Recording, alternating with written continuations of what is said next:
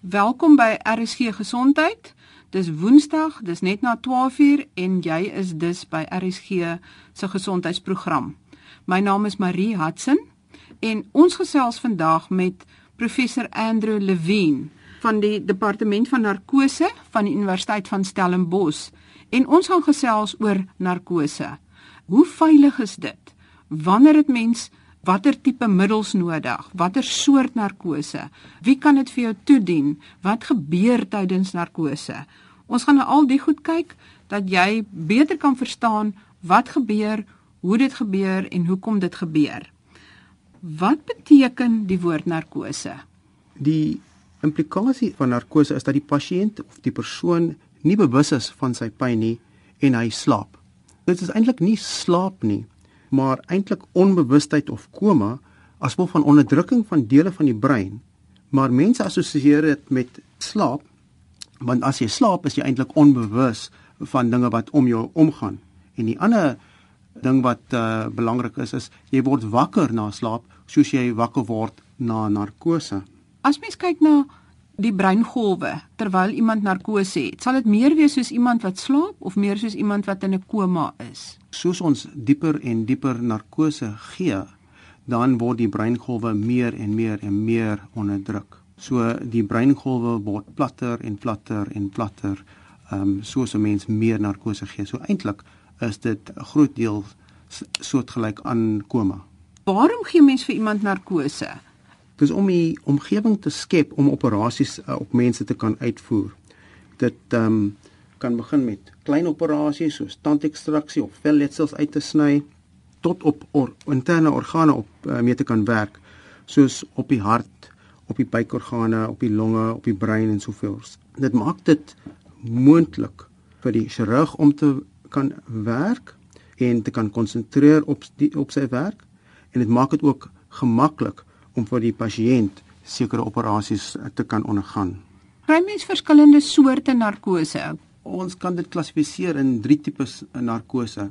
Die eerste is gewone algemene narkose. Die ander is streeks narkose en die derde tipe is sedasie. En eintlik kan ons kombinasies van die drie tipes narkose ook gebruik. Wanneer sal mens watter gebruik?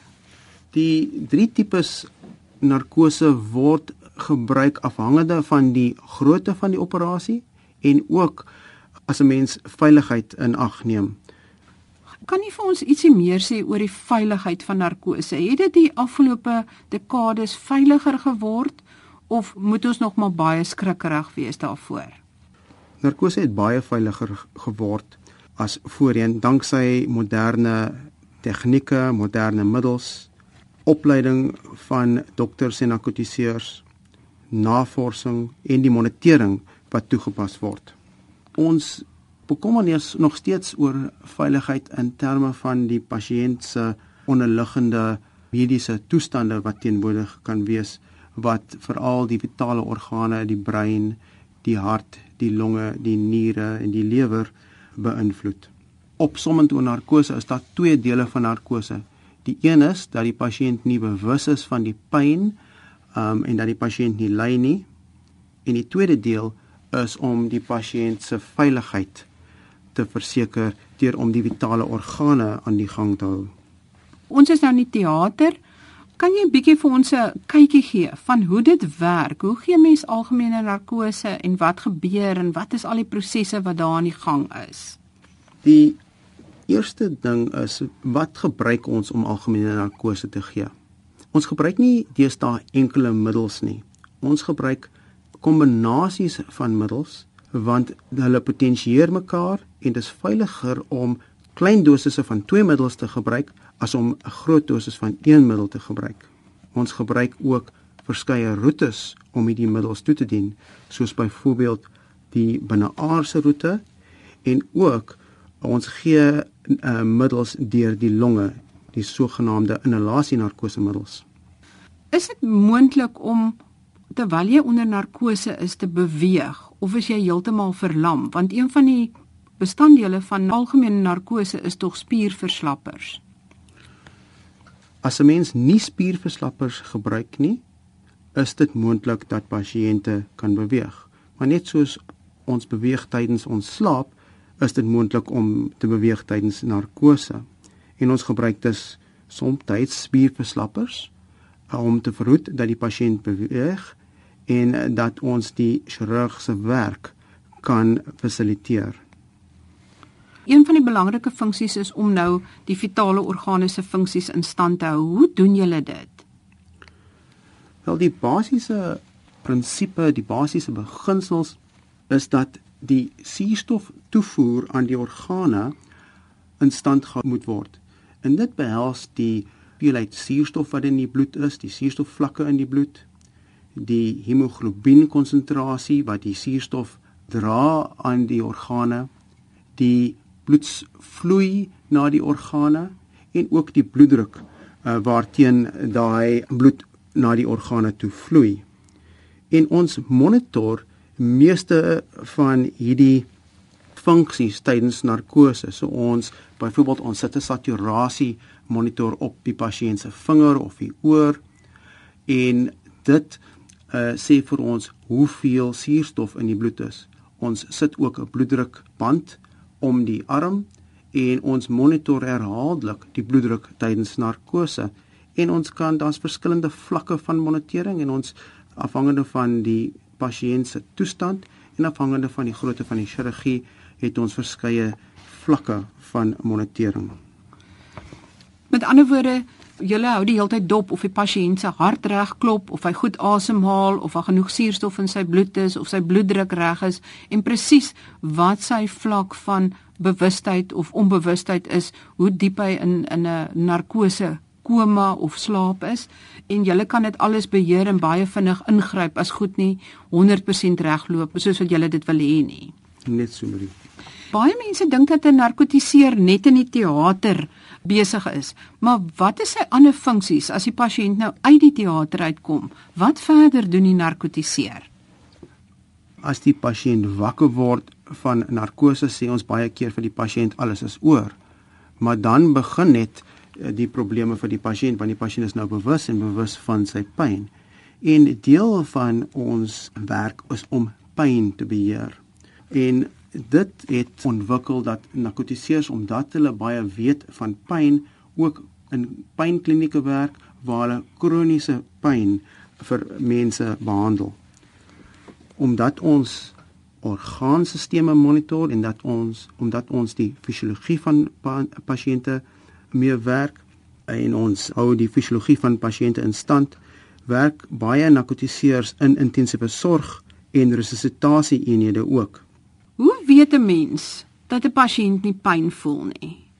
Marie, dit kan gebeur, maar ons monitor heeltyd die vlakke van narkose in pasiënte. Ons kan ook breingolwe monitor. Ons monitor ook die pasiënt se reaksies teenoor narkose. As die pasiënt in pyn is, kan die pasiënt ook beweeg veral as hy nie spierverslappers gehad het nie of nie diep um spierverslap slapping het nie. So doen julle doelbewus dat julle miskien klein bietjie minder spierverslapper toedien sodat juis dit julle kan sien as daar miskien 'n handbeweging is of iets wat kan aandui dat die pasiënt nog ietsie voel. Ja, beslis so. Ek werk in my praktyk baie so en baie mense vir my diep spierverslapping vir daai rede. Maar dit kan wees as gevolg van toerusting wat foutief is, dit kan wees as gevolg van sekere pasiënt toestande. Dit is baie baie raar. Hoe word algemene narkose toegedien? Wat gebeur presies en hoe sit jy iemand in hierdie beheerde koma? Daar is 'n hele reeks ehm um, stappe wat gedoen moet word. Eerstens moet ons die pasiënt se gesondheid evalueer. Ons moet ook weet vir watter prosedure die pasiënt kom en watter chirurg dit gaan doen. Ons kies dan 'n narkose tegniek en ons bespreek dit met die pasiënt. Voor die operasie gee ons baie keer premedikasie wat middels behels wat die angstigheid van die pasiënt sal beheer En baie van daai middels is ook daar om die pasiënt se sisteme te beskerm tydens die operasie. Die narkotiseer is baie keer voor die chirurg en die pasiënt in die operasielokaal om te check dat die toerusting reg is. Hy of sy trek dan die middels op in spuite en merk die spuite dat die verkeerde middel nie gegee word nie. As die pasiënt in die teater dan aankom, word gewoonlik binne aardse drip ingesit en die monitors om die pasiënt se fisiologie te monitor word dan ehm um, gekoppel aan die pasiënt soos die bloeddrukmonitor, die saturasie monitor, die EKG monitor. In groot mense gewoonlik spuit ons 'n dosis van propofol. Dit is 'n wit medisyne. Hulle noem dit die melk van amnesie om die pasiënt vinnig aan die slaap te sit. Daarna is baie word baie keer die pasiënte met gas aan die slaap gehou en ons neem die pasiënt se asemhaling oor. Ons sit gewoonlik 'n asemhalingsbuis in en ons monitor uh, daarna die orgaanstelsels, die bloeddruk en die saturasie en die hartspoed. Basies skep ons 'n klein intensiewe sorgeenheid vir elke pasiënt wat onder narkose gesit word. Ons verlaat nooit die pasiënt wat onder narkose is nie en ons is daar om te monitor of iets besig is om verkeerd te gaan. Hoe bring jy weer die pasiënt by as jy hierdie narkose toegedien het en die pasiënt in 'n koma gesit het? Wilmarie, ons stop om die um, narkosemiddels um toe te dien. En dan die um narkosemiddels word of gemetaboliseer deur die lewer of uitgeskei deur die niere. Is dit redelik vinnig? Nie al die middels word so vinnig uitgeskei nie en dit is hoekom 'n mens 'n bietjie na die tyd nog 'n bietjie lomerig nog steeds is. Ons kan ook omkeermiddels spuit, maar dit is nie omkeermiddels vir al die narkosemiddels wat ons gee nie. Wat gebeur in die herstelkamer? Wel, dit is die periode van aangaande monitering van die uh, fisiologie van die pasiënt, die bloeddruk en die saturasie en die hartspoed, net soos wat ons tydens narkose doen en ons maak seker dat die pasiënt is veilig na die tyd. As die pasiënt nar is of daar is pyn, sal die um, susters in die herstelkamer onder die toesig van die narkotiseer middels vir die pasiënt gee of spuit om dit te beheer. As die pasiënt 'n groter operasie ondergaan het of die pasiënt is nie stabiel nie, mag die pasiënt in die intensiewe sorgeenheid um herstel word of in die intensiewe sorgeenheid verpleeg word vir um 'n dag of twee na die operasie. Weereens monitering en behandeling van die orgaanstelsels se fisiologie is dan van baie belang. Een van die die middels wat jy graag vir groot mense gebruik is Propofol. Nou ons het almal al gehoor van Propofol omdat Michael Jackson dit gebruik het. En as ek nou luister wat jy vertel het van hoe jy alles moet monitor en waaraan die pasiënt alles gekoppel moet word, dan word dit nou duidelik dat dit eintlik vreeslik gevaarlik was op die manier wat Michael Jackson dit gebruik het. Kan jy vir ons so 'n bietjie vertel daarvan? Bladproepe vol jou op 'n asemhaal of of presies hoe werk dit? En hoekom was dit so gevaarlik op die manier wat Michael Jackson dit gebruik het? Wel, as ons daaraan dink, Michael Jackson is propofol gegee om te slaap deur 'n dokter wat nie narkotiseer is nie. Daar is geen toerusting of monitors beskikbaar gewees nie en die persoon wat die propofol toegedien het was nie teenwoordig die hele tyd terwyl Michael Jackson uh, propofol um, gekry het nie. So al die reëls, elke reël is gebreek. En as die dokter daar was en het gesien Michael Jackson het opgehou asem want dit is wat uh, propofol vir jou kan laat doen, dan sou hy kunsmatige asemhaling vir Michael Jackson kon toegepas het en die probleem sou opgelos gewees het baie vinnig want propofol word baie gou deur die lewer afgebreek. En die, en Michael Jackson sou weer wakker geword het. Maar dit is tipies hoe 'n mens nie narkose moet praktiseer nie. Wat kan in die teater verkeerd loop? Kan iets verkeerd loop? Dinge kan beslis verkeerd loop. Dis hoekom mense opgelei is in narkose hoe meer ervare die narkotiseer is, hoe beter is dit. Eerstens leer hulle om probleme te erken tydens hulle opleiding. Dan leer hulle om daai probleme te behandel. Dan leer hulle om die probleme te voorspel en te verhoed. En ons monitor heeltyd die pasiënt se vitale funksies. En dit beteken die hart, die longe en al die organe se werkings. Ja. En ons het middels en toerusting om te keer dat dinge verkeerd loop. So ons het middels in die teater as die bloeddruk te laag is om daai bloeddruk weer te verhoog of as die bloeddruk te hoog is om die bloeddruk te verlaag of as die hartspoed te vinnig of te stadig is om my hartspoed weer stadiger of vinniger te maak. So um, ons is voorberei heeltyd om sulke dinge te verhoed. Wat kan ek as 'n pasiënt doen om narkose vir myself so veilig as moontlik te maak? Ek dink eerstens moet jou gesondheid so optimaal moontlik voor die tyd wees. Hoe fikser 'n mens is, hoe beter jou gesondheid is, hoe minder kans is daar dat daar probleme tydens en na die narkose en die chirurgie kan gebeur. Rook, dis baie belangrik om rook so, so lank voor die tyd te stop um, ons verkies dit dat pasiënte eintlik nog nooit gerook het nie.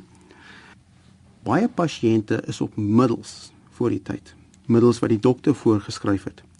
En ek dink die boodskap daar is die middels moet nooit voor die operasie gestaak word nie. Van die middels wat ons wel probleme kan gee is antistolmiddels en ook aspirien. Aspirien is in meeste operasies behalwe brein en oogoperasies is dit veilig om mee aan te gaan. Dit is baie veiliger om mee aan te gaan as om dit te stop. Maar ander antistolmiddels, dit ek dink moet jy met jou narkotiseer voor die tyd bespreek. Die ander ding is kruiemiddels. En my raad daar is dat u eerlik met die narkotiseer moet wees en dat u eintlik vir die narkotiseer moet sê op watter kruiemiddels um u is. En alle ander middels soos bloeddrukmiddels ensovoorts kan mens mee voortgaan. Dis nie jy mag, jy moet. Dit, jy moet dit uh voor die tyd nog steeds neem. En wat is die jongste oor wanneer mens kan eet of kan drink voor 'n operasie? Hoe lank voor die tyd moet mens ophou om te eet of te drink? Voorheen ons het gesê 12 uur voor die tyd. Deesdae vir soliede kosse is dit nou omtrent 8 ure voor die tyd wat 'n mens nie mag eet nie.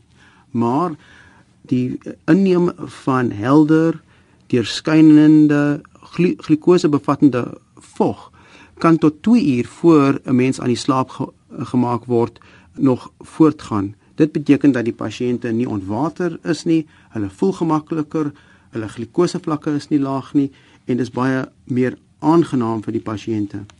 Maar steeds moet 'n mens hierdie met die ehm um, narkotiseer bespreek. Ehm um, verkieslik sien 'n mens die narkotiseer 'n paar uur voor die tyd.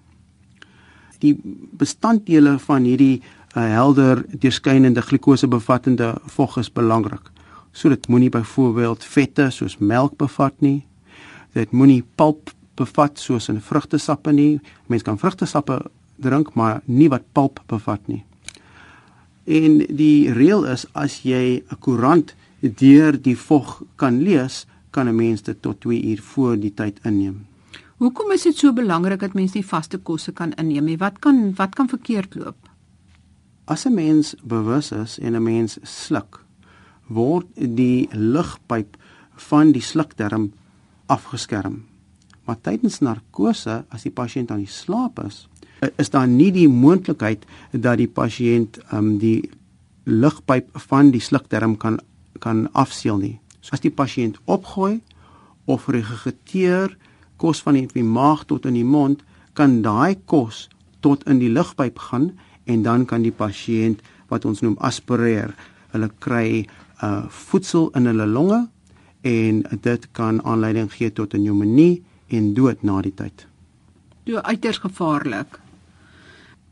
En dan die ander soorte narkose Byvoorbeeld so spinale narkose. Wat verstaan ons daaronder? Ehm um, spinale narkose is eintlik twee tipes narkose, dis spinale en epidurale narkose.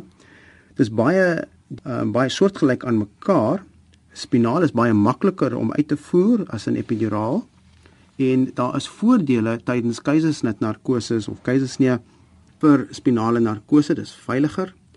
Epidurale narkose word vir pynverligting tydens of na operasies gebruik in in kombinasie met algemene narkose of dit word as streeksnarkose alleen gebruik vir sekere prosedures. Daar is sekere risiko's daaraan verbonde aan albei van hierdie tipes van spinale en epidurale narkose.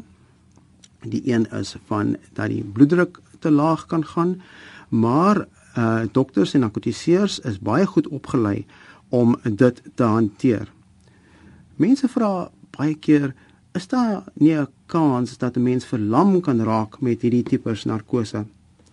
En daar is baie selde 1 in 200 000 van hierdie tipe prosedures is daar kans dat iets kan verkeerd gaan soos 'n bloeding om die spinale koord of infeksie om die spinale koord. Dit is baie rar. Dit gebeur baie minder as byvoorbeeld wat motorongelukke ehm um, gebeur en mense verlam word as gevolg van motorongelukke. Wat van sedasie? Is dit bewustelik of onbewustelik of is dit bietjie van albei of sommer albei?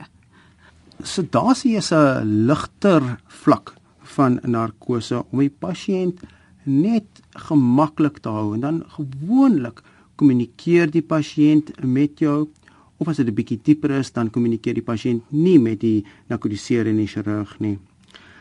Daar is 'n kontinuum van ligte sedasie tot diep narkose en dis moet ons al die veiligheidsmaatreëls nog steeds toepas tydens sedasie want dit is nie altyd voorspelbaar wanneer 'n pasiënt onder ligte sedasie gaan wees met 'n sekere dosis van 'n middel of onder redelike dieper uh tipe narkose.